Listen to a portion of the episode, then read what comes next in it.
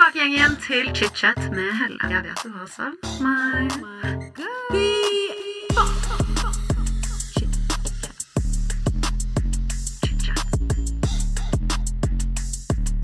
I dag får jeg besøk av en av Norges største youtubere, men også ihugga true crime-fan, Sara Høydahl. Sara forteller i dag om eh, oppveksten i Drammen og om en barndom som ikke var helt uproblematisk. Hun forteller om at hun slet med å få seg venner, og at hun ikke fant de som i dag står henne nærmest, eh, før i voksen alder.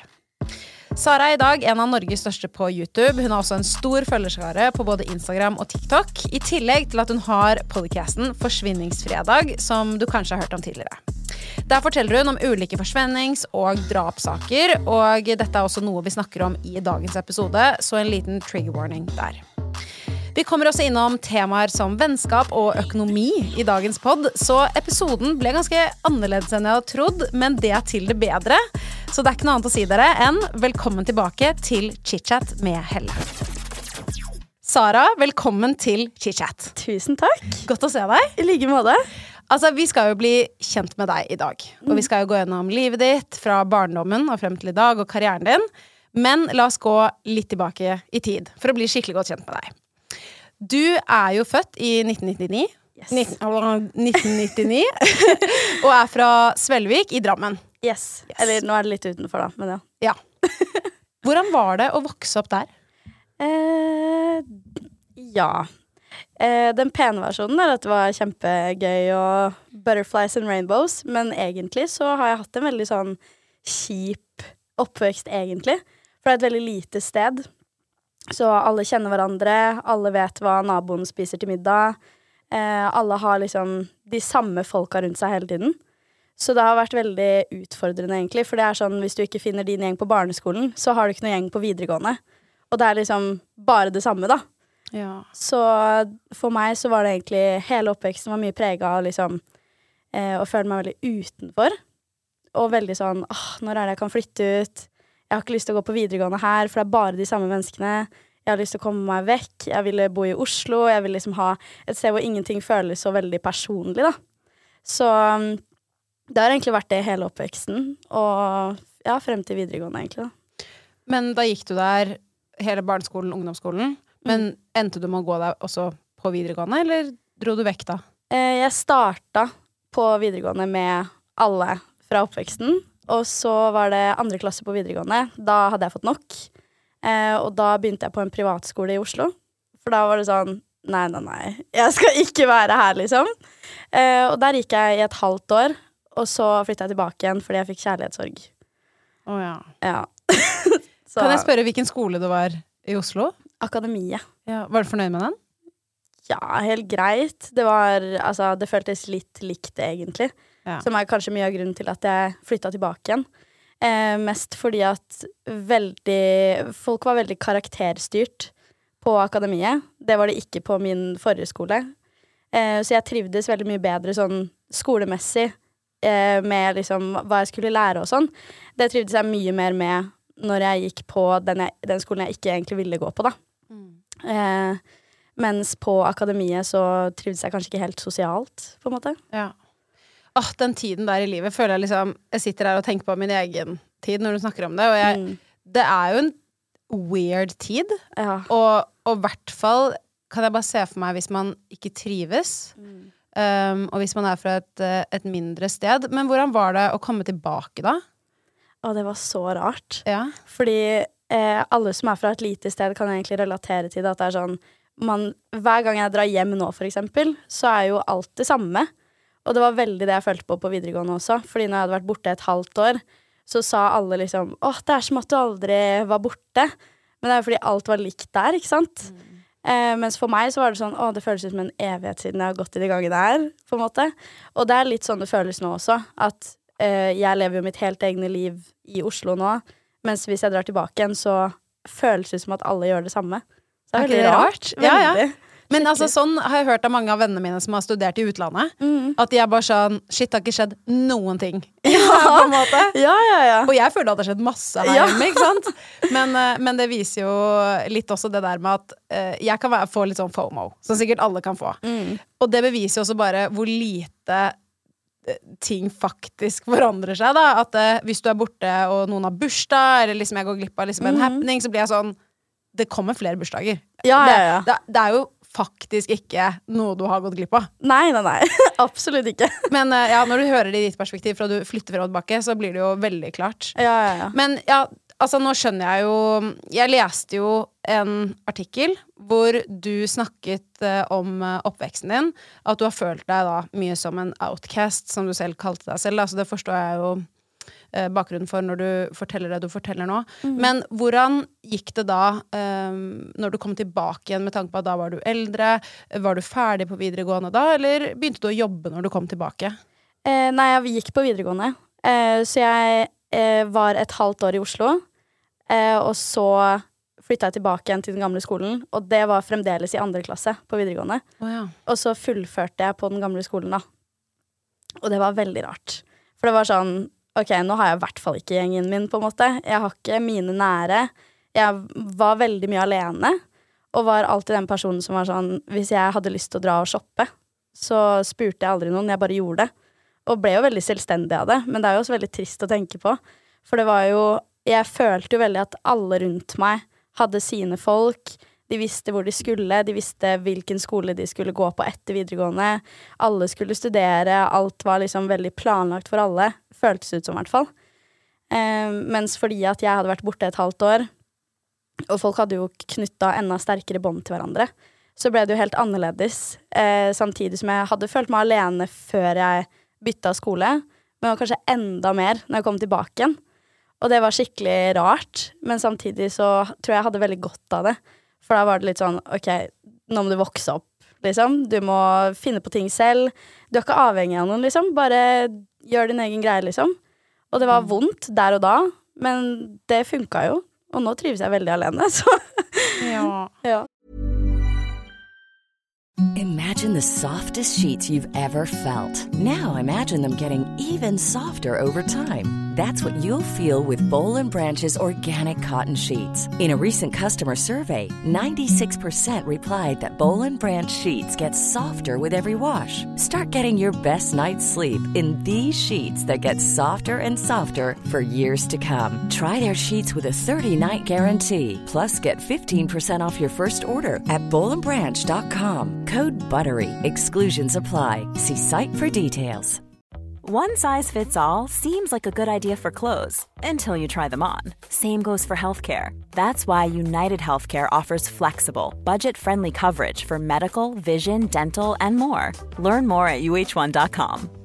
Quality sleep is essential. That's why the Sleep Number Smart Bed is designed for your ever evolving sleep needs. Need a bed that's firmer or softer on either side? Helps you sleep at a comfortable temperature? Sleep Number Smart Beds let you individualize your comfort so you sleep better together. JD Power ranks Sleep Number number 1 in customer satisfaction with mattresses purchased in-store. And now, save 50% on the Sleep Number limited edition Smart Bed for a limited time. For JD Power 2023 award information, visit jdpower.com/awards. Only at a Sleep Number store or sleepnumber.com.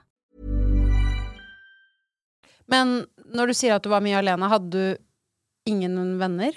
Eller kan jeg bare spørre så direkte, eller? Ja, ja, ja. Um, jeg hadde jo liksom Altså, jeg kom jo godt overens med folk, og jeg hadde ikke noen uvenner. Men um, jeg ville ha kvalitet på vennene mine, og det hadde jeg ikke. Så det var veldig sånn Hvis jeg ble venn med noen, så følte jeg ikke at det var et vennskap, det var mer sånn bekjentskap. Sånn ja, vi har det gøy på skolen, eller jeg kan være par med deg i gymtimen, hvis du skjønner. Det var liksom ikke sånn Ja, skal vi henge etter skolen? Det var aldri noe sånn i det okay. hele tatt. Så jeg Og så hadde jeg jo kjærlighetssorg også når jeg kom tilbake igjen. Og da var jeg veldig Jeg var jo åpenbart veldig lei meg, men det er også den kjærlighetssorgen jeg har hatt som har hitta verst. Eh, og det var nok ikke en positiv greie til å liksom få seg nye venner, på en måte. Så da var det liksom mye alenetid, og hvis jeg skulle få meg nye venner, så var det bare sånn Man kaller det vel behovsvenner. Sånn festvenner, eller Ja, folk man, som bare er der, på en måte. Og det er jo ikke folk jeg er venn med i dag, på en måte. Nei, det var ikke de dype forholdene Nei. som eh, man ofte har i mange år, eller Mm. livet ut, da. De fikk jeg jo ikke før etter videregående. Ja, ikke sant? Fordi flyttet du til Oslo da etter videregående var ferdig? Ja, med Ja. en gang. Det var liksom, gang? Ja, ja, ja. Jeg satt i timen jeg, de siste, i mai, liksom, når vi hadde eksamener og sånne ting. Så var jeg sånn, søkte på leilighet og bare åh, jeg skal vekk herfra, liksom. og bare, det skjer ikke at jeg bor én måned lenger her, liksom. Så eh, jeg flytta med en gang. Og ironisk nok så bodde jeg i et kollektiv med folk som gikk på samme skole som meg på videregående. Nei! Jo. Oh my god! Er ikke det det sjukeste? Unnskyld at jeg sier det, men det er så kjipt. Ja, men altså, det gikk jo fint. Altså, jeg bodde der bare et år, men det var jo Altså, det er jo så rart. Du det skulle ha en sånn, skikkelig ny start, og så bare endte du opp et annet sted med de samme folka. ja, heldigvis for meg, da, så var det jo eh, to av de hadde jeg gått i klasse med på videregående. Så jeg visste vi hadde samme interesser, i det minste. Selv om vi aldri var de folka som hang noe særlig på videregående. Eh, men jeg bodde med to derfra, og en til som da eh, var på samme skole. Men som jeg, jeg Altså, det her er ikke folk jeg liksom følte jeg kjente engang, egentlig. Fordi jeg var så sykt mye alene og var ikke med folk i det hele tatt. Så når jeg da plutselig ble kasta inn i sånn Vil du være med å bo i kollektiv med oss? For det var liksom veldig få som skulle til Oslo. Så da ble det sånn naturlig greie. Og det endte opp med å bli liksom et av de fineste åra sånn eh, rundt videregående tider, da. Ironisk nok. Ja, men det er jo hyggelig, da, i hvert fall. Ja, veldig. Det er jo kjempebra. Ja. Men vi må jo snakke om uh, YouTube. Mhm. Du er jo en av Norges største youtubere i dag, og har over 110 000 subscribers på din kanal, som er helt sjukt mye mennesker. um, når var det du begynte med YouTube?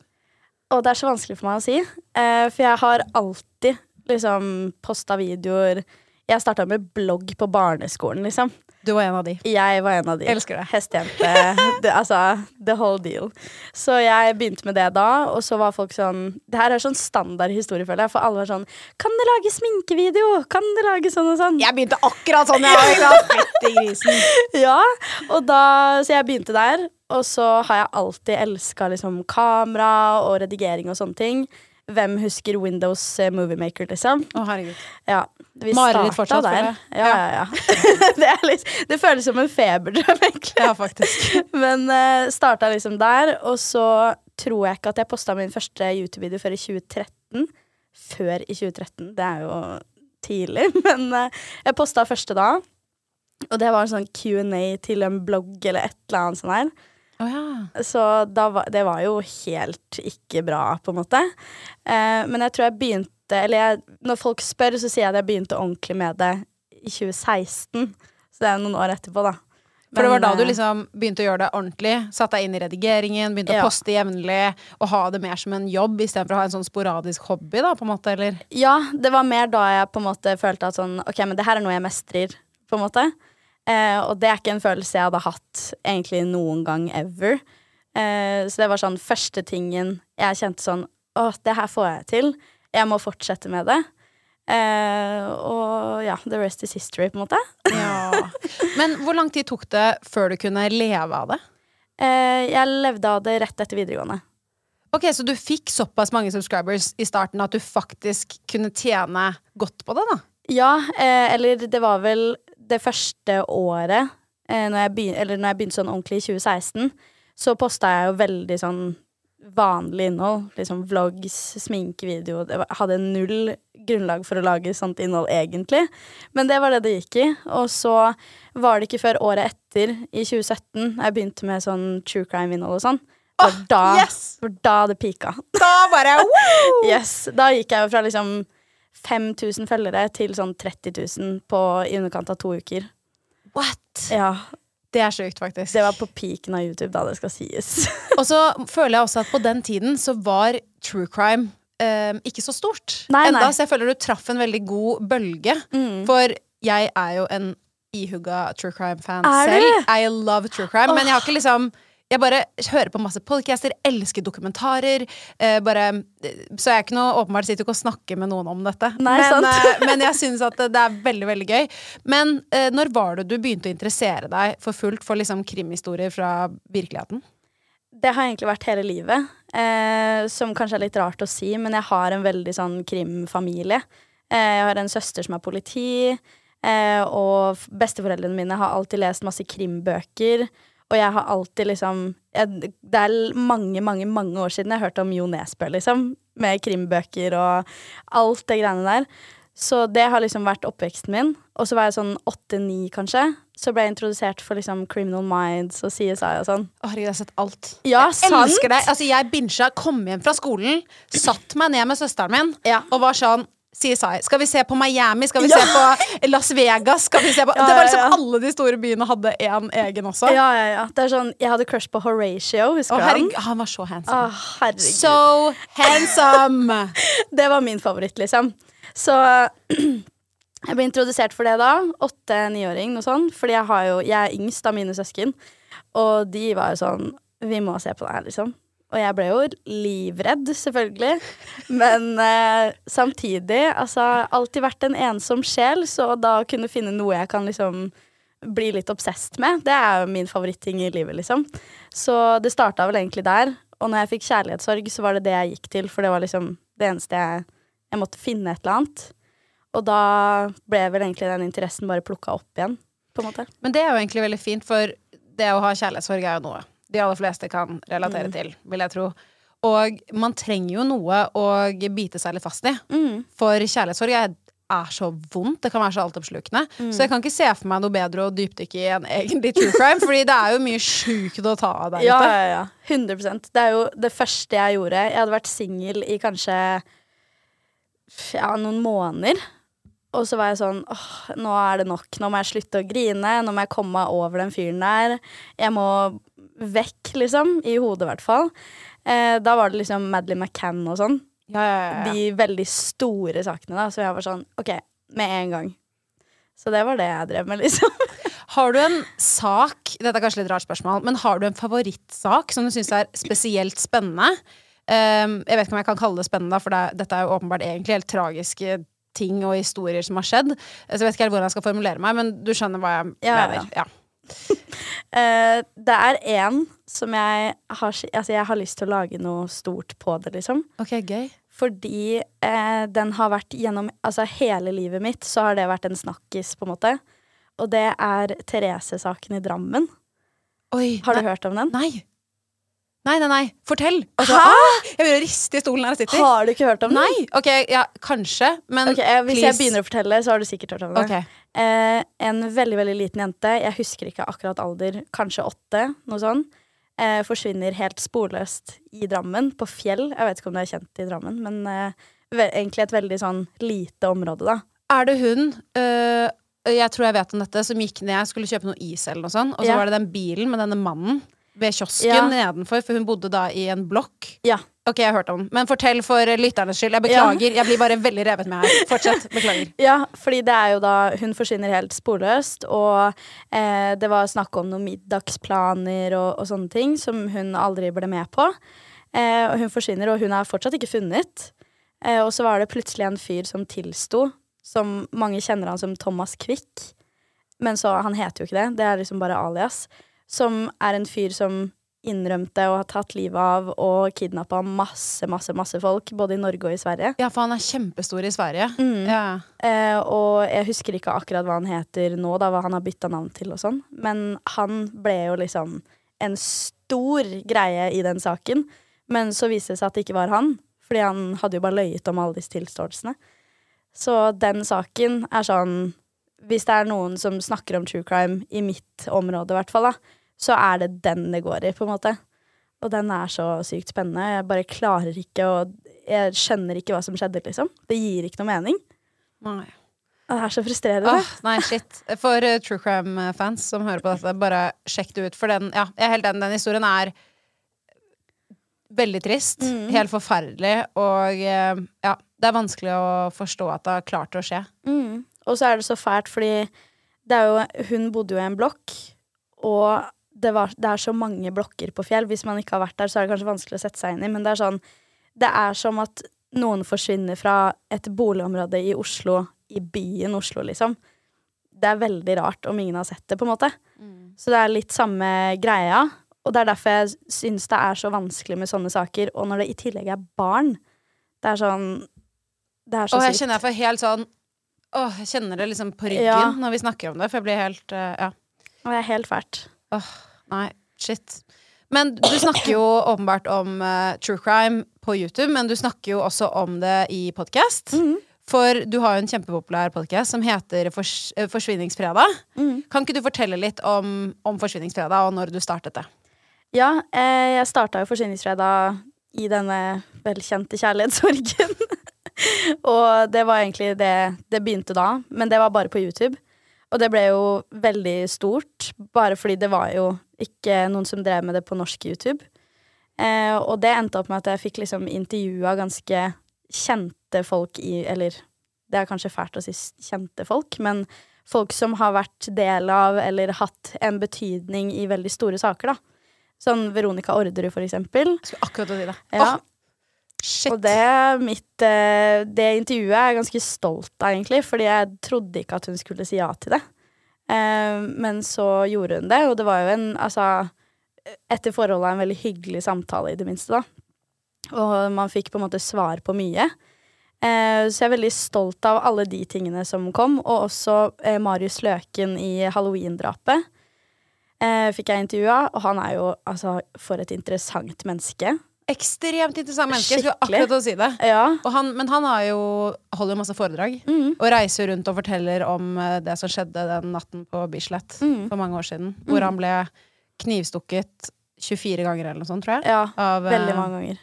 bestekompisen sin, som var i psykose. Mm. Wow. Det er, men det er de sakene her er jo så Man tenker ikke så mye over det når man liksom Når det er så mange saker som er ute og går og sånn, men hvis du faktisk liksom setter deg inn i hver eneste av de, så er de helt latterlig brutale, altså. Mm. Det er helt fælt. Men du nevnte jo Orderud. Altså, jeg vet ikke Jeg er jo veldig investert da i dette her. Jeg må spørre, hva tror du skjedde under uh, Orderud-saken, Orderud-drapene? Det er vanskelig å si, åpenbart.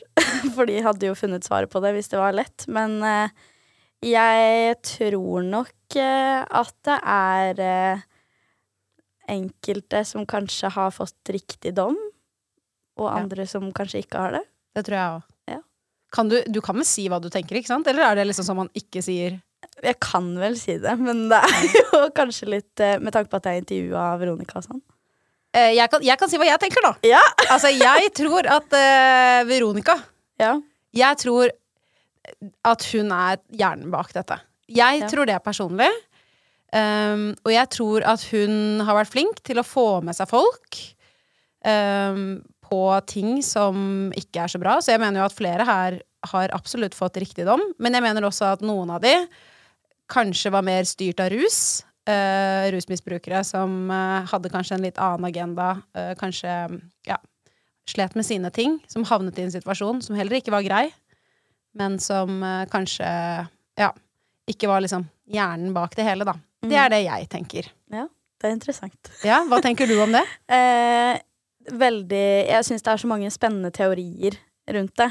Og det er så vanskelig, fordi det er jo veldig mange av de gir mening. Så det er jo det som er fælt med det når det er så mange år siden. At det blir jo alle teoriene som kommer opp, er sånn Ja, det gir mening, hvis man ser det i et visst lys, da. Eh, jeg syns det er interessant. Jeg har egentlig veldig lyst til å tro på den derre mafiateorien. Å nei, hva er den? At det var noen utenlandske Ja. Et utenlandsk miljø eh, som hadde blitt leid inn og sånn. Jeg tror ikke på den egentlig- teorien i det hele tatt. Nei, jeg gjør ikke det. det gjør jeg Vi ikke. kan jo håpe, men, liksom. men jeg har lyst til å tro på det. Ja. Bare fordi det er sånn Det hadde vært helt sjukt. Ja. Og det er jo Da slipper man på en måte den med at det er de fire, da, som er De er jo bare, eh, i bo- bare, eh, dømt for medvirkning. Mm. Og jeg tror nok at alle har hatt en, en eller annen finger med der. Det tror jeg òg. Eh, men noen kanskje mer enn andre, da. Ja, det er akkurat det jeg tror, ja. Ja. Men eh, hvordan var det å sitte og intervjue Veronica? Veldig spennende. Ja. Det var jo et av mine første intervjuer. Og det, hvis jeg ser på det intervjuet nå, så tenker jeg ok, du kan ikke sakene dine. Det er veldig mange ting jeg skulle ønske jeg kunne spurt om nå, bare fordi nå har jeg et helt annet perspektiv på det. Men jeg syns jo det var kjempespennende, fordi hun er en veldig interessant person. Hun kan snakke for seg, og hun har blitt spurt om det her så mange ganger, så hun vet, hun vet jo hva hun skal si. Og hun vet jo hva det pleier å gå i. kjempespennende, og jeg Ja, jeg skulle kanskje ønske at jeg spurte om litt mer sånn Konkrete ting, eller? Ja, at det kanskje ikke var like åpent for tolkning, hvis du skjønner. Ja. Eh, for det var Mange av spørsmålene var veldig åpne. Åpna for ganske vage svar, for eksempel. Eh, så jeg hadde kanskje ikke gjort det på samme måte nå. Men det var veldig spennende, og veldig fin erfaring, ikke minst. Ja, herregud, du lærte sikkert så mye av det. Ja, jeg var 18 år da når jeg intervjua henne, så det er ganske mange år siden nå. Oh shit! Ja. 18 år. Ja, Det er ungt. ja. Og så vil jeg jo tro uh, at du ikke har gått noen sånn journalistutdannelse. Sånn- Nei, nei. ja. så, så nei, jeg kjenner jo meg litt igjen, da. Absolutt så er jo det veldig utfordrende for deg når du var 18 år og jeg sitter her så mye eldre. Men eh, det å intervjue folk Mm. hvis man har jeg har heller ikke noe bakgrunn i Nei, å intervjue folk. Jeg har ikke noe journalistutdannelse. Jeg er makeupartist, liksom, egentlig, da. Ja, ja, ja. Så det å skulle sette seg ned og snakke med et annet menneske som du aldri har møtt før, Mm. og det skal være en naturlig flyt, og du skal stille de om store, vanskelige spørsmål i deres liv, Mm. og få et naturlig, ærlig svar som skal virke og høres uh, godt ut for en lytter, hvis det gir mening. ja, ja, Det er jo, altså jeg må si det er så vanskelig. Og når jeg hadde mm, eh, Jon Christian Elden, advokaten her Altså jeg kan snakke utrolig fort, og det vet jeg, men han snakker meg i senk any day. Altså bare fordi han snakker fortere enn meg. Åpenbart så har han jo en kunnskap som beyond my life. Altså smartere enn jeg sikkert noen gang kommer til å bli. Men han snakker så fort at jeg tenkte sånn Oh my god. Jeg, jeg, når jeg kom ut, jeg sa det til de på kontoret, jeg bare Jeg renner svette av meg, liksom. Fordi det var så um, utfordrende å ha det intervjuet. Så jeg skjønner godt hvor du kommer fra. Ja, ja. Og så er det litt sånn når du skal stille folk spørsmål som er Altså, det er jo veldig harde spørsmål, egentlig. Og det er jo om en veldig alvorlig situasjon, gjerne. Eh, da blir det jo vanskelig. Hva skal man liksom Hvordan håndterer man det? Når du Altså, man, hvis man har sånn som meg, da. Jeg blir veldig gira. Og veldig sånn 'Å, jeg må vite, jeg må vite', fordi jeg er så nysgjerrig av meg.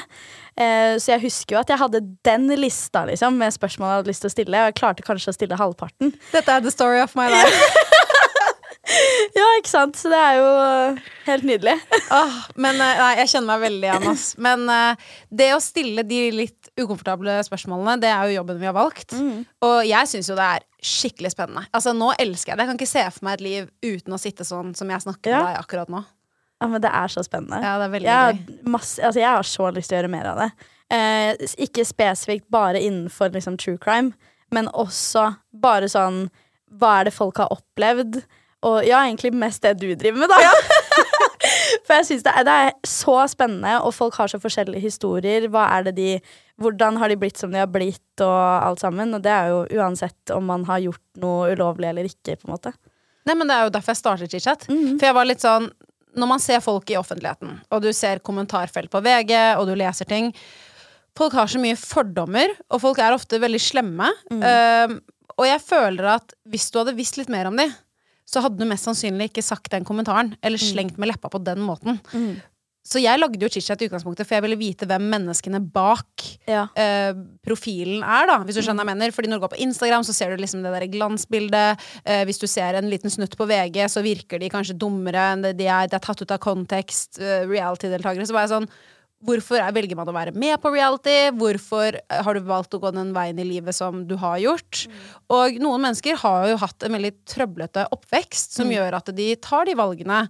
Og noen har lært mye hjemme, noen har ikke lært så mye. Så jeg føler at hvis man vet mer om en person, så skal det også mer til for å kritisere de så hardt, da, som mange gjør på internett. Ja, ja. Og det syns jeg er veldig spennende. Mm, helt enig. Ja, ikke sant? Det er veldig gøy å snakke med en sånn fellow ja. pod-person. Det er veldig gøy, for da har jeg aldri snakket så mye i min egen pod som jeg gjør med deg. Sorry. Det elsker jeg. It's very unprofessional, though. Men jeg elsker det. Oh. Here's a cool fact a crocodile can't stick out its tongue. Another cool fact you can get short term health insurance for a month or just under a year in some states. United Healthcare short term insurance plans are designed for people who are between jobs, coming off their parents' plan, or turning a side hustle into a full time gig. Underwritten by Golden Rule Insurance Company, they offer flexible, budget friendly coverage with access to a nationwide network of doctors and hospitals. Get more cool facts about United Healthcare short term plans at uh1.com. There's never been a faster or easier way to start your weight loss journey than with PlushCare. PlushCare accepts most insurance plans and gives you online access to board-certified physicians who can prescribe FDA-approved weight loss medications like Wigovi and Zepbound for those who qualify. Take charge of your health and speak with a board-certified physician about a weight loss plan that's right for you. Get started today at plushcare.com slash weight loss. That's plushcare.com slash weight loss. plushcare.com slash weight loss. Quality sleep is essential. That's why the Sleep Number Smart Bed is designed for your ever evolving sleep needs. Need a bed that's firmer or softer on either side? Helps you sleep at a comfortable temperature? Sleep Number Smart Beds let you individualize your comfort so you sleep better together. JD Power ranks Sleep Number number 1 in customer satisfaction with mattresses purchased in-store. And now, save 50% on the Sleep Number limited edition Smart Bed for a limited time. For JD Power 2023 award information, visit jdpower.com/awards. Only at a Sleep Number store or sleepnumber.com. Du gjør åpenbart mye research, sånn som jeg også gjør, før man spiller inn episodene sine. Du gjør sikkert mye mer enn meg, og derfor må jeg bare spørre Hvor mye tid bruker du på faktasjekking og historiebygging for liksom en episode? Eh, på YouTube så har det jo vært eh, en ganske mye større jobb med tanke på at alt skal passe visuelt. Eh, og mye research i liksom bilder og copyright og alle de greiene som man kanskje ikke tenker over når man ser en video selv. Eh, I podden så er det jo research-delen tar jo like lang tid, på en måte, for det er jo Ja, det er jo info, på en måte. Men eh, der så har jeg brukt kanskje enda litt mer tid på hvordan det skal forklares for en lytter, da. Eh, og ja, historiefortellingen er jo virkelig det viktigste. Når man eh, er i en podkast og du ikke kan si liksom Ja, her har vi en video av eh, En overvåkningsvideo, eller hva enn, da. Eh, så det tar ganske lang tid. Det er jo eh, veldig ofte så er det jo mange, mange uker. Eh, bare for at det skal være en eh, i gåseøyne god historie. Eh, at det skal fortelles på en riktig måte, og som er rettferdig for alle parter, da. Så det tar ganske lang tid, da. Altså mange uker. I could never. Altså, dette er så imponerende. Jeg syns liksom en dag eller to, jeg, hvor du sitter og bare leser og leser og leser, er liksom mye. Ja. Men jeg forstår jo at du må jo ha faktaen din helt dønn riktig. Ja. For hvis ikke så har du på en måte ikke noe jobb. Det Ja, det er jo liksom- det. Ja. Og så er det litt med at eh, det er så tungt stoff. Og det er sånn eh, Det er mye lettere å gjøre research på saker eller personer da, som kanskje er det, det krever ikke så mye når det er så eh, gøy, på en måte. Det er ikke noe tungt eh, stoff i det. Men eh, med true crime så er det så Altså, jeg, jeg kan bli veldig prega av de sakene. Fordi det er enten om det er barn, eller om det er historier jeg kan på en eller annen måte relatere til, eller et eller annet sånt, så blir det veldig vanskelig når man sitter og gjør research. For eksempel, altså har jeg sittet en hel dag, altså 12-13-14 timer, bare med ett manus, og da blir man jo helt sånn Da tenker du ikke på noe annet. Og da sover du dårlig om natta og alle de greiene der, så det er jo ikke Det er mest derfor kanskje at det tar såpass lang tid, da. Fordi man vil jo ikke bare sitte og få inn det innholdet. Da blir det jo veldig sånn Det kan jo bli litt sånn ekkokammer ut av det også, Mm. på en måte. Nei, fordi det var akkurat det jeg skulle spørre om. Om, Mm. du, om du blir påvirket av det.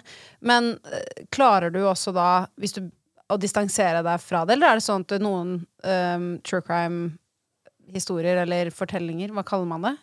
Historier. Historier, ja. Som, er det noen liksom sånn du fortsatt husker på da, når du snakker om dette nå, som sitter ved deg? Ja, flere. Eh, og det er kanskje spesielt de sakene som skiller seg veldig ut i, på en eller annen måte, enten de er enda mer grotesk enn andre saker.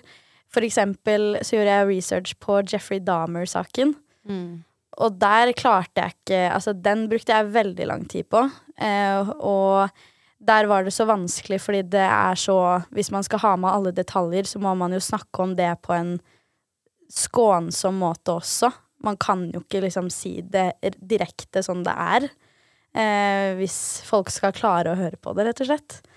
Eh, så den saken har vært helt, helt fæl, eh, for det er så mange aspekter. Eh, og så er det en annen en som eh, Jeg vet ikke om du har hørt om den heter Junko Furuta. Som er eh, Remind me. Vær så snill. en asiatisk eh, Å, sak. det er helt, den er så jævlig, den, den saken der. Åh, Og det er fælt å si, men eh, det er, unnskyld jeg sier det, men for å være helt ærlig, det er den verste true crime-fortellingen, historien, jeg har hørt i hele mitt liv. Jeffrey Dahmer, jeg skulle akkurat si det, at jeg klarte ikke å se Netflix-serien. Nei, den sleit jeg med. Men eh, den historien om denne asiatiske kvinnen som du nevner nå Vi kan jo snakke bitte litt om det, men det er det verste jeg har hørt om. Har skjedd noen gang. Så hvis du er true crime-interessert, så burde du kanskje lese om den hvis du syns det er Jeg vet ikke, jeg vil lære om det, interessant, høre om det. For det er, jeg visste ikke at verden kunne være så jævlig. Nei, og det, det er flere sånne typer saker, da. Som er de første som kommer i hodet mitt. Som er sånn Det er saker jeg har brukt lang tid på. Fordi hvis jeg sliter med å gjøre researchen på det, så kan jeg jo ikke forvente at noen syns det er behagelig å høre på det heller. På en Nei. måte. Og da Det er jo ingen av de sakene her som er behagelige, men samtidig så er det sånn Det der er så ordentlig, ordentlig fæle detaljer, da. Som er sånn ja, det er vanskelig å snakke om det i det hele tatt, egentlig. Eh, så den eh, Og det er også en av de videoene jeg eh, har laget på YouTube som har fått 18-årsgrense.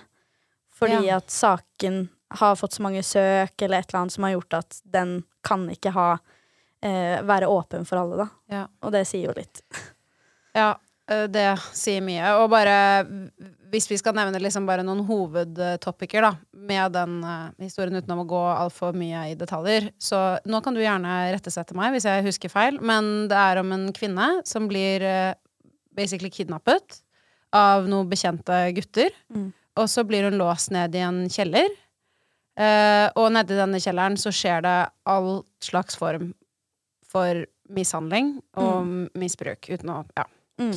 Ja, det, det er akkurat det. Ja. Den er helt, helt fæl.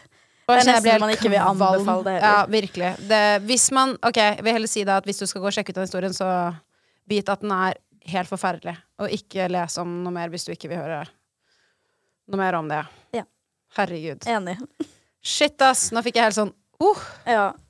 den, er, eh, den er helt syk. Men uh, la oss gå over til noe litt hyggeligere. Ja. Jeg hadde jo Victoria ja. i podcasten her for en måneds tid siden. Hun er jo din beste venninne, og hun er jo også en veldig stor uh, YouTuber og influenser og ja, her i Norge. Men kan jeg bare spørre, hvordan møttes dere? For det spurte jeg aldri Victoria om. Det er veldig gøy. Um, vi møttes jo gjennom sosiale medier. Men det her starta egentlig med at vi ikke likte hverandre i det hele tatt. Vi hadde et helt sånn Altså, det var ingenting som tilsa at vi skulle være venner i det hele tatt. Herregud, nå husker jeg det faktisk. Hun fortalte dette veldig kjapt. Ja. Herregud, nå husker jeg det, fordi hun var bare sånn It was not love at first sight. Nei, det var det ikke, altså. Eh, og det starta egentlig med at vi har jo uh, Begge er jo litt sånn nisje-youtubere, egentlig. Eh, selv om det har glidd over til at vi begge to gjør mer enn det, da. Eh, men det starta med en video hvor eh, vi hadde snakka Jeg hadde laget en video som ble ganske stor, om en eh, true crime-sak fra Oslo. Plaza-kvinnen. Mm. Eh, og det var en av mine første i Forsyningsfredag-serien. Og så hadde hun laget en video om den samme saken. Og da var det sånn Folk i kommentarfeltet hennes var ordentlig fæle, altså. Og var sånn 'Du kopierer Sara', og liksom Det var ikke pene kommentarer. Oh, ja. Og jeg tror jeg og Victoria misforsto hverandre litt, egentlig. Fordi altså, folk kan jo lage videoer om hva de vil, men YouTube på den tiden der var noe he... Altså, det var en egen greie, liksom. Eh, så den videoen var egentlig utgangspunkt for at vi nesten ikke turte å se på hverandre, liksom. Oi, det Eh, var såpass, ja, ja, ja. Og Victoria har fortalt meg, og det her syns jeg er så rart Hun har fortalt meg at vi gikk forbi hverandre på Gardermoen rett etter det her hadde skjedd. Og at jeg hadde liksom Hun oppfatta det som at jeg hadde vært sånn åh Liksom ikke giddet å ensa hun i det hele tatt. Og bare Nei, fy fader, hun der, altså. At jeg ikke likte hun i det hele tatt. Og hun hadde også bitt seg merke i at jeg hadde slutta å følge hun på Instagram. Og det var liksom Det var en hel greie, da. Eh, og det var jo Jeg husker jo alt det her, på en måte, men jeg husker ikke at jeg var på Gardermoen og så hun. Men så har vi jo bilder fra samme dato på Gardermoen. Okay, Så det så har liksom skjedd. Hun trodde at du ga henne liksom the bitch stare. Yep. Og hun Å nei, det er så kjipt når man får litt Ja. noia for noe. Og Ja. så er det egentlig bare en kjempestor misforståelse. Mm. Det der føler jeg har skjedd mange ganger i verden med mange mennesker. Ja. Og det verste er jo at både jeg og Victoria er veldig overtenkere. Så det er sånn et blikk, og vi er sånn Hun hater meg. Hater meg. Og det er sånn det er, liksom. Eh, så det der skjedde, og det tok ganske lang tid, fordi jeg kom inn i eh, Splay, da, vårt tidligere management, i eh, 2017. Og da kom hun inn i samme management to år etterpå. Og det var først da at hun og jeg liksom snakka ordentlig sammen og ble liksom gode venner, da. Um, for da var det liksom da, Det var bare naturlig. Vi kom inn der begge to, eller var der begge to, og eh, tilbrakte masse tid på kontoret der sammen, og det var jo kjempekoselig, liksom. Men det var, jeg tror egentlig alt det der var, bare var en kjempestor misforståelse. Og vi er jo egentlig helt like. Vi har veldig mange av de samme greiene fra oppveksten, og vi har alle de samme liksom, verdiene og holdningene til ting. Så det er jo veldig rart at vi plutselig bare ikke skulle like hverandre. Men dette her syns jeg er bare egentlig så fint, fordi det viser at ja, man kan misforstå, da. Ja. Og man kan være ofte redd for at andre ikke liker en. Og, Mm. og det trenger virkelig ikke å være sånn. Nei, nei, nei, absolutt ikke. Så jeg er veldig glad for at det ble skværa opp. For det er jo Victoria er jo eh, en av mine aller, aller nærmeste. Og en som Altså, jeg føler at vi er såpass like at vi ser på hverandre, og så skjønner vi hva som er, hva som er greia, på en måte. Og det er veldig deilig. For det er sånn Da har man noen som forstår, forstår seg på deg, da. Og det har ikke alle. Og det er jo veldig fint, da. Mm. Det er Ja. Nei, det unner jeg deg. Det er skikkelig hyggelig å ha en bestevenn. Ja, og Alle spesielt i den bransjen her. Ja. Skikkelig, faktisk. For den bransjen her kan jo være ganske eh, hard. Mm. Uh, og litt fucka, hvis jeg kan være så ærlig å si det. liksom Ja, ja, ja. Og jeg husker første gang jeg var på, på sånn influencer-event. Mm. Jesus fucking Christ! og da husker jeg, jeg var med, Da husker jeg den personen som var snillest med meg, var Tim Christian. Og I loved him. og han Ja. er jo Og så husker jeg så på han, tenkte jeg bare sånn You look intimidating. Det var bare det første jeg tenkte. Men han er eh, jo så søt. Men han er så søt. Jeg hadde tekstet han med, eller snakket med han litt på DM, og så husker jeg at jeg kom bort til han og bare 'herregud, jeg er skikkelig noob', og alt sånn. Han var sånn det går helt fint. Du kan stå her med oss.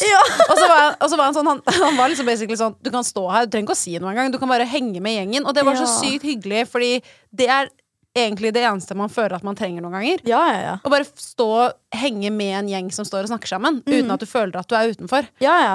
Og bare føle seg litt inkludert, egentlig. Ja, ja. For det, er så, det kan være en så vanskelig bransje, fordi det er jo mange som har vært i bransjen kjempelenge, og da føler man litt sånn som jeg har følt på i oppveksten, da, at alle har sin gjeng. Hvor er det plass til meg, liksom? Så det er jo ja, det er viktig altså, å inkludere folk. Men eh, det var gøy at du sa det, eller gøy og gøy, holdt jeg på å si. Eh, apropos det du nevnte med Splay, managementet, for jeg trodde jo at dere egentlig hadde møttes der i utgangspunktet. Ja, Men det skjedde jo da etter hvert, så dette her var egentlig veldig morsomt å, å høre prosessen bak det. Men eh, jeg trodde, for å være ærlig, at du kanskje eh, ikke fortsatt var hos Play, men at du var litt sånn i en sånn overgangsfase fortsatt. Men du er ikke hos Play i det hele tatt lenger. Nei, jeg er ferdig. Jeg hadde oppsigelsestid, eh, som jeg nå er helt ute av. Ja, ikke sant. Jeg snakket jo med mm, Victoria om det litt snuskete opplegget, om vi kan kalle det det. ehm, med da dette tidligere managementet, så du trenger ikke å gå altfor mye inn på det. Men hva tenker du generelt om management i vår bransje etter du har hatt det selv? Eh, nå har jeg vært i to. Eh, jeg var i ett før jeg kom inn i Splay. Ehm, og eh, det er jo Altså, det er jo mange som sikkert driver med eh, ting som ikke er helt innafor, kanskje. Eh, uten at jeg Altså, jeg har ikke noe innsyn i alle andre management, på en måte, så det er litt vanskelig å si. Men ehm, eh, det kommer jo an på hva slags behov man har. Altså, jeg syns det har vært veldig fint med liksom, det sosiale. Eh, nå var jeg jo i samme management i liksom fem og et halvt år. Så det er jo på en måte Har jo vokst opp med det, egentlig. Eh, jeg tenker så lenge man liksom vet hva man trenger det for, og at man får noe ut av det, så er det fint. Ja. Ja. Jeg bare føler at man hører så mye forskjellig. Og jeg selv prøvde jo å være med i et management en gang. Ja. Og fytt fytti katta, det gikk så til helvete. som det kunne gått, liksom. Ja. Og det var egentlig bare veldig rart, for det var et management som egentlig står for mye mer sånne TV-profiler eller teater um, Altså folk som jobber i teater, eller er programledere. Og så skulle de lage på en måte en influenserseksjon i Ja. dette managementet. Ja. Og da tok de inn meg og eh, masse andre folk som er influensere. Um, og så signerte jeg med de, og vi hadde, jeg ga over alle liksom, kontaktene mine, og det er jo det man lever av som influenser. De du har snakket med, de du har hatt allerede samarbeid med, og så skal, og så skal jo da managementet på en måte lage nye deals med gamle samarbeidspartnere, men også finne nye, ikke sant, for at man kan benefitte av det begge deler. Og så endte det med at den personen jeg hadde fått kontakt med i dette managementet, hun bare sluttet å svare en dag, og dette er et stort uh, management i Oslo. Um, og så bare hørte jeg ikke noe mer en dag, og så fikk jeg mail en uke etterpå hvor det var sånn Hei, jeg er på ferie i um, jeg, jeg tror det var Cape Town, Afrika. Um, og, men jeg er tilbake om tre måneder. Og da var jeg sånn, ok, men kan jeg da snakke med mine kontakter? Hun ba nei, du får ikke lov liksom nå å snakke med dine Ja. kontakter. Og da var jeg sånn, men skal jeg gå uten jobb i tre måneder? Og hun var bare sånn, ja eller sånn, beklager, men slik er situasjonen. Og hun var veldig sånn, jeg beklager at det er sånn som dette, men jeg har planlagt denne ferien lenge. Og jeg var sånn, for hun var jo da min manager i dette managementet. Og da var jeg sånn, men er det ingen andre som kan ta dette nå? Nei, det er ingen som har kapasitet, fordi det er en ny seksjon i management og sånne type Ja. ting. Og da var jeg sånn, jeg sto helt uten jobb da i tre måneder. Jeg måtte bare leve på det jeg hadde. Jeg lånte liksom penger av kjæresten min. Jeg liksom var sånn skikkelig kjip situasjon å sitte i. Og jeg telte ned dagene til hun kom hjem fra den ferien, sånn at vi kunne begynne å booke nye liksom, samarbeid. Og to dager etter hun kom med hjem, så får jeg en ny mail. Og er sånn Hei, jeg beklager, men vi har lagt ned influenseravdelingen. Nei. Så det ender med da at jeg har gitt fra meg alle kontaktene mine. De har alt av informasjon av det jeg har tjent, og liksom alt hva de da kan base. Så de basically tok mine kontakter, ga det til sine daværende influensere. Eller nei, ikke influensere, men eh, profiler. Uh. Og så bare droppet de alle influenserne. Og det var jo også venner av meg, så jeg snakket jo med disse, så vi alle Ja, var jo i samme båt. Ja, ja, ja. Det er jo helt sjukt, da. Ja. Eh, og jeg vet at det er mange som har et litt sånn vanskelig forhold til management og sånn.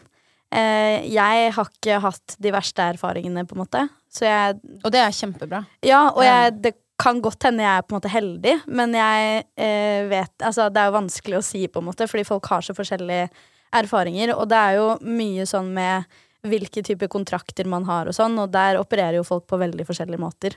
Så eh, det som egentlig har vært veldig viktig for meg, er jo liksom at folk er åpne og transparente på ting. Og da er det jo Ja, da er jo alle kort på bordet, på en måte. Mm. Men altså, det å ha en altså, positiv erfaring med det, er jo det beste. For det er jo det man ønsker, å lage et samarbeid som varer lenge, som er positivt, selvfølgelig. Men eh, har du noe management nå?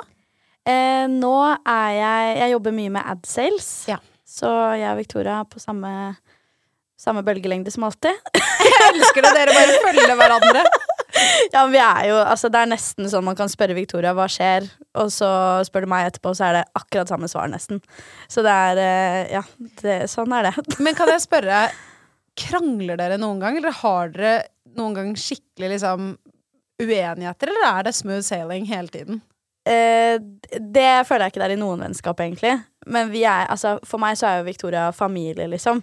Eh, vi er jo så nære at sånn Vi kjenner hverandre på absolutt alle mulige måter. Eh, vi har jo hatt uenigheter, selvfølgelig, og vi har hatt noen utblåsninger her og der. Eh, men det som er fint, er at vi er veldig, veldig sånn kommunikasjonsmennesker. Så det er alltid sånn Hvis det har vært en eh, ja, har eh, gang på byen, for eksempel, da, hvor det har blitt litt uenigheter og, og sånn, så er det alltid ordna opp dagen etterpå. Og da er det liksom OK, det der var teit. Beklager, beklager. Og så er vi moving on, liksom. Okay. Men det er Så bra, det er da. fint. Det er fint. For jeg tenkte bare sånn For jeg bare føler at noen vennskap er bare sånn aldri noe liksom eh, klabb og babb. Og så tenker jeg sånn Det er litt digg å høre at det ikke bare går Ja. dritsmooth for alle andre. For det er sånn det ser ut ikke sant, på Ja, sosiale ja, ja. medier. Og, 100% ja, og liksom, jeg har akkurat liksom stått i noe litt sånn eh, For første gang kranglet skikkelig med en som står meg veldig nær. Ja. Og, og vi har klart å fikse det, så det er ikke noe problem. Men jeg var sånn Jeg har ikke hatt en sånn type krangel på mange, mange år. Nei, sant. Og da har jeg liksom Det er første gang jeg nesten fikk en sånn reality check. Sånn, Ja. Er jeg den eneste som har hatt en så hard krangel? For Ja. dette her var skikkelig vanskelig å stå i. Så det var derfor jeg måtte spørre deg. Og Ja, selvfølgelig, det du nevnte nå, er jo ikke like vanskelig, men, eh, men det er jo litt sånn med venner at de blir jo familie, de som står deg aller nærmest. Mm. Uh, og da må man bare fighte for det, da. ja. Og så er det litt sånn det jeg Fordi jeg har hatt så vanskelig forhold til vennskap sånn generelt, eh, så føler jeg jo at eh, det aller viktigste for meg er at sånn man kan snakke sammen og forklare 100% ærlig hva som er greia, da. Fordi hvis man ikke gjør det, så altså hvis, hvis vi hadde hatt en krangel, så hadde jo ikke jeg visst at du hadde hatt et problem med meg hvis ikke du hadde sagt det. på en måte. Mm. Og det er jo det som har vært viktig for meg, da. At, eh, og Victoria, herregud. At det er der det skal ligge, liksom. Vi skal kunne være ærlige med hverandre hele tiden. Ja, det er et fint grunnlag. Mm. Veldig bra. altså, jeg må jo spørre, for jeg er jo skamløs. Um, apropos sånne, sånne spørsmål som er litt sånn Man gruer seg litt til å spørre, men så er det litt gøy også. Hva vil du si at du tjener på en god måned? Um, både på en god måned og en måned som ikke er så bra. Og da legger vi sammen alle pottene. Ja. Instagram, YouTube, podcast og TikTok. Åh, når du sier det sånn Vi legger sammen det, det, det, det. um, ja. Det er jo veldig varierende, da. Altså Vi går hele spekteret. Vi- Ett i bunn og ett på topp. Jeg vet jeg er Eh, forferdelig nå. Sorry. Det går bra. Um, på en dårlig måned så er det jo ringe hjem til mamma, liksom. Kan det være. Ehm, jeg har hatt måneder Det her er sånn man ikke snakker om, egentlig. Fordi Mm. det kan være så flaut. Og jeg syns økonomi er dritvanskelig. Så det er sånn En måned kan det være sånn Oi, shit. Er, har jeg nok til husleia nå, liksom? Fordi det er eh, kanskje måneder hvor man enten har vært liksom syk, eller at man ikke har gjort så mye, eller at eh, markedet har svingt veldig, eller Det kan jo være mange faktorer, da. Eh, og andre måneder så kan det være rake motsetningen, at det er sånn Um, Jeg venter på tall, jeg. ja, jeg vet det. Det er så forferdelig. Det er så vanskelig å si. Uh, Men jeg eh, syns det er fint at du nevner det med at eh, det ikke alltid går så bra. For jeg føler at Ja. det, nå har det vært en trend på TikTok og Instagram hvor det har vært sånn My monthly salary the last year, eller hva Ja. det er som er sånn Januar 30 000, februar 60 000, eh, mars 130 000. Så blir jeg sånn Jesus Christ, Mm. tjener de folka dette, eller bare finner de det på? For jeg også jeg har noen måneder hvor det er sånn Ok, den måneden her så gikk det akkurat i null. Ja, Det var, det var chill at det gikk akkurat i null. En annen måned kan være sånn Shit, det her gikk bra. Mm. Men da må jeg sette av til buffer, fordi jeg vet at det kommer måneder hvor det ikke går i null. Ja. Og det føler jeg er egentlig er en selvfølge når man jobber for seg selv eller er frilans eller jobber um, oppdragsbasert, da, som det jeg og du gjør mye. Så ja, ja. det er bra å snakke om, tenker Ja. jeg, da. Økonomi burde være mer eh, åpent. Ja, og jeg føler det er litt sånn, eh, i hvert fall i den bransjen her, så er det så sykt opp og ned. Eh, og det er, ja, som du sa da, noen ganger så er det veldig, veldig gode måneder hvor det er Oi, shit, wow, det, det her er jo nok til to måneder i hvert fall, på en måte.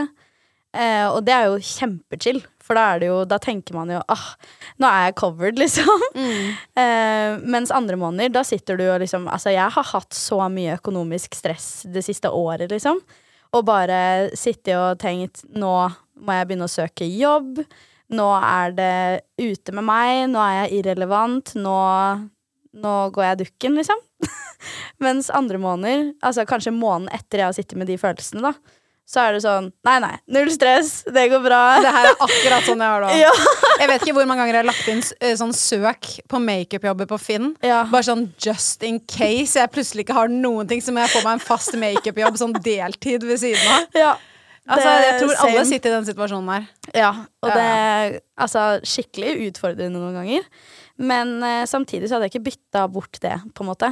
For det er jo litt sånn eh, Jeg føler meg såpass heldig med den jobben jeg har, at da vil jeg heller jobbe litt ekstra for de månedene som er eh, vanskelige, ikke skal være like vanskelige, på en måte. Absolutt, jeg er helt enig. Ja. Og så er det jo sånn, i spesielt i starten, når man starter opp i en sånn her jobb, da hadde- tjente jeg ingenting. Nei, Altså, jeg gikk et, over et halvt år hvor jeg gikk på sparepenger, liksom. Og så husker jeg etter eh, fem måneder så fikk jeg min første jobb, og tjente jeg 5000. Og jeg husker jeg tenkte I've made it. det, jeg hadde mitt første samarbeid når jeg gikk på videregående. og da eh, spurte jeg pappa hvor mye fakturerer man for det, for et sånn type greier. Og pappa er det et av de smarteste menneskene jeg kjenner. Og han har gitt meg så mange gode råd, selv om han ikke har noen forutsetning for å kunne noe om bransjen. Men der, i retrospekt Sorry, pappa, men da bomma du, liksom. Da, da tok du! Å, herregud. Det er sånn jeg blir nesten litt flau. Eh, fordi for noen så er det her sikkert sånn Ja, det er fair, liksom. Men det var jo ikke det. Det her var et samarbeid med en ganske stor aktør som jeg nå i ettertid har vært sånn Oi, de har jeg lyst til å jobbe med. Og så kommer jeg på den, og så blir jeg sånn Jeg tør ikke å jobbe med de. Fordi det er sånn jeg fakturerte så lavt. Så du er redd for at hvis du tar tigangeren nå, så tenker de at du er kjip, liksom? Ja, hvis jeg fakturerer det jeg burde fått. Men hva gjorde Så- du av jobb, og hva tjente du? Eh, det her var eh, Da drev jeg bare med YouTube og Instagram. Og det var da en YouTube-video. En heldedikert video. Det er sjeldent, liksom. Ja. Eh, men det skulle de ha. Og så var det en post og eh, Jeg husker ikke om det var noe story, men det var i hvert fall én eller to poster, da. Som man kan ta liksom greit betalt for. Men jeg faktur... Å, fy fader, jeg blir så flau. Jeg fakturerte for 500 kroner.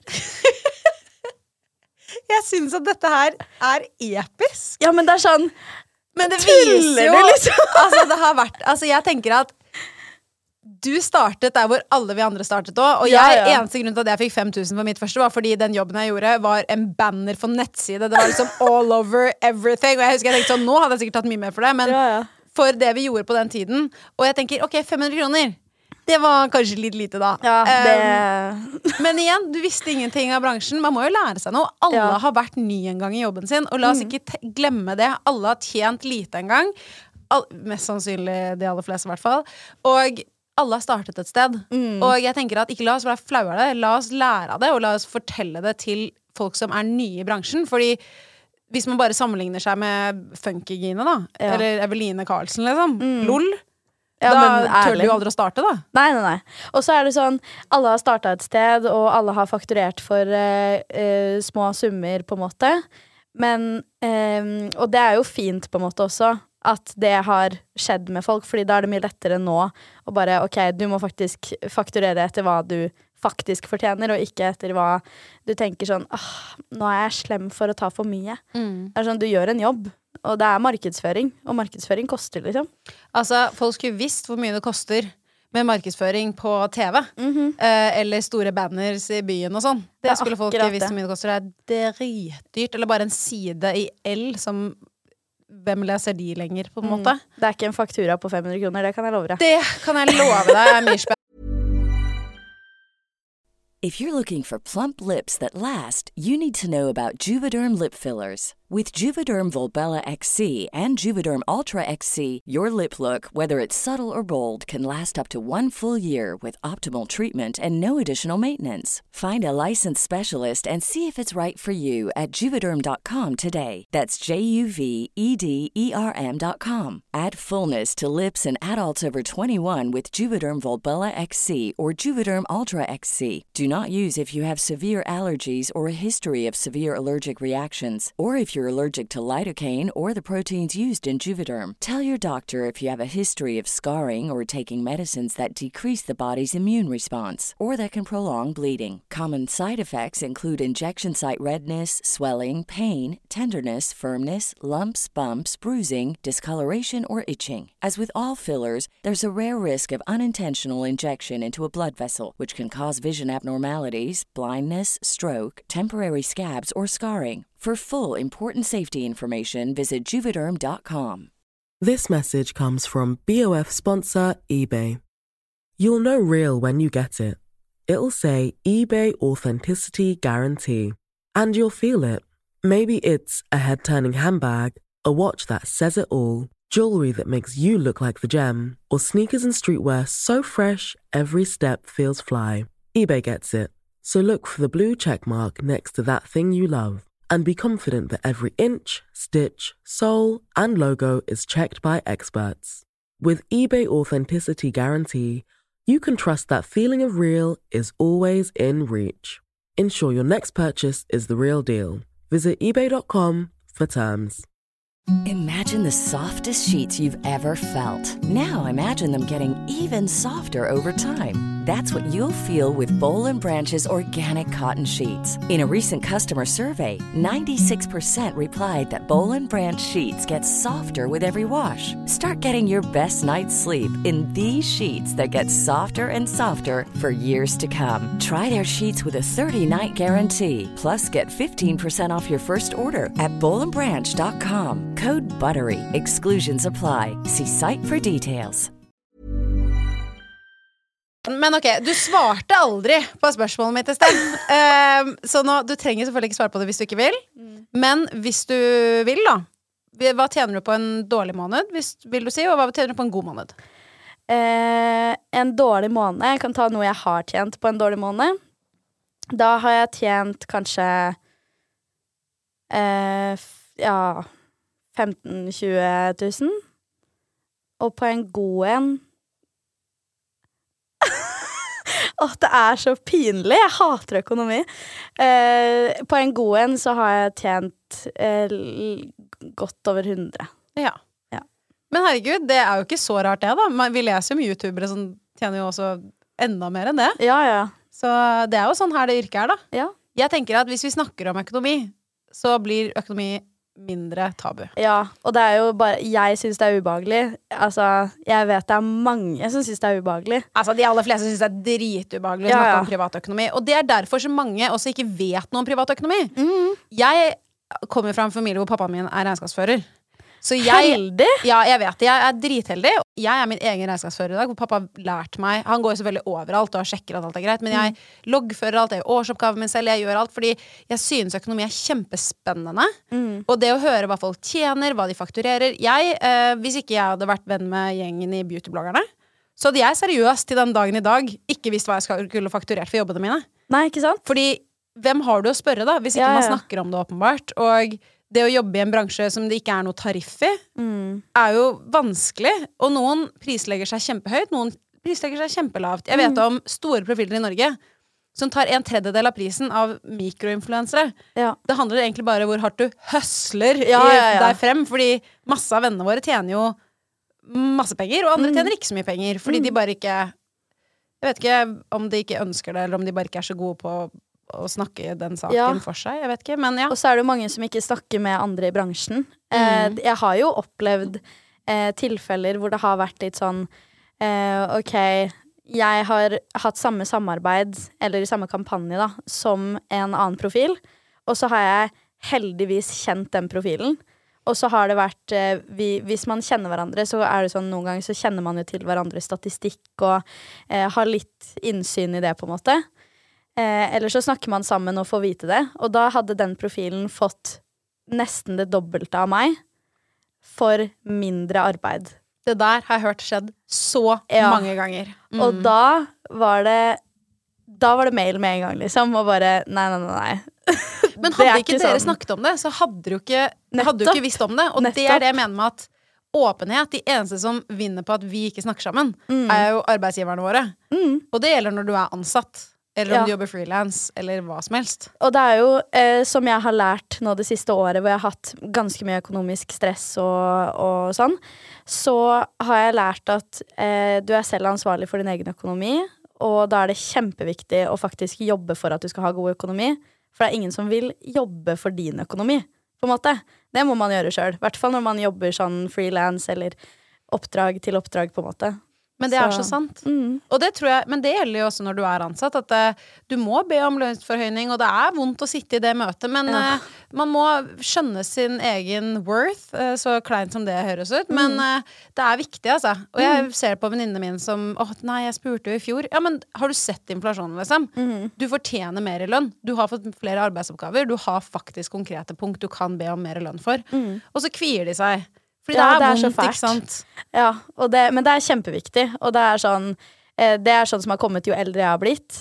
Eh, så ok, har jeg et mål om å kjøpe leilighet, så må jeg jobbe etter det. Og da nytter det jo ikke å ikke ville øke prisene sine, eller ikke ville eh, legge inn det ekstra giret for å få mer betalt, eller for å kunne være mer attraktiv for annonsører og liksom alle de greiene der. Det er jo, man må jo legge inn arbeidet, på en måte. Absolutt. Er helt, helt enig. Åh, dette har vært en skikkelig god prat, men avslutningsvis så vil jeg bare spørre deg Er det noe du har skikkelig lyst til å få til i løpet av 2023? Åh, det har jeg faktisk tenkt mye på i det siste. Eh, og det er at jeg har lyst til å Nå kommer jeg til å bli super cheesy, men jeg har lyst til å eh, føle meg som meg selv. Oi, men det er hyggelig, men hva legger du i det? Eh, det er nok mest fordi jeg har hatt et halvår nå med masse sånn Mange livsendringer og mye som har skjedd, eh, som også har kommet litt til uttrykk på eh, hvordan jeg har sett meg selv i speilet, for eksempel. Eh, og det har gjort at jeg har blitt sånn OK, jeg må faktisk jobbe med meg selv nå. Og jeg, har, jeg føler meg ikke som Når jeg ser meg i speilet nå, så blir jeg sånn OK, det er ikke meg. Hva er det der for noe, liksom? Så det er kanskje mitt største mål, Fordi hvis jeg får til det, så kan jeg få til hva som helst. Det var et fint mål. Takk. Herregud, det får du til. Ja, jeg tror det. Jeg tror det skal gå. Men det blir dritbra. Herregud. Du, Sara, det har vært helt nydelig å ha deg i chit-chat. Jo, takk for at jeg kunne komme. Det var helt, skikkelig hyggelig. Å, tusen, tusen takk for at du ville være her med meg. Takk skal jeg ja. Takk skal jeg ha. Og til deg som har lyttet til denne episoden, hvis du likte det du hørte, så gå gjerne inn i appen og abonner på ChitChat med Helle. Da får du automatisk opp nye episoder hver eneste torsdag. Og hvis du er ekstra grei, så legger du gjerne igjen en review. Det hadde jeg satt kjempestor pris på. Vi høres!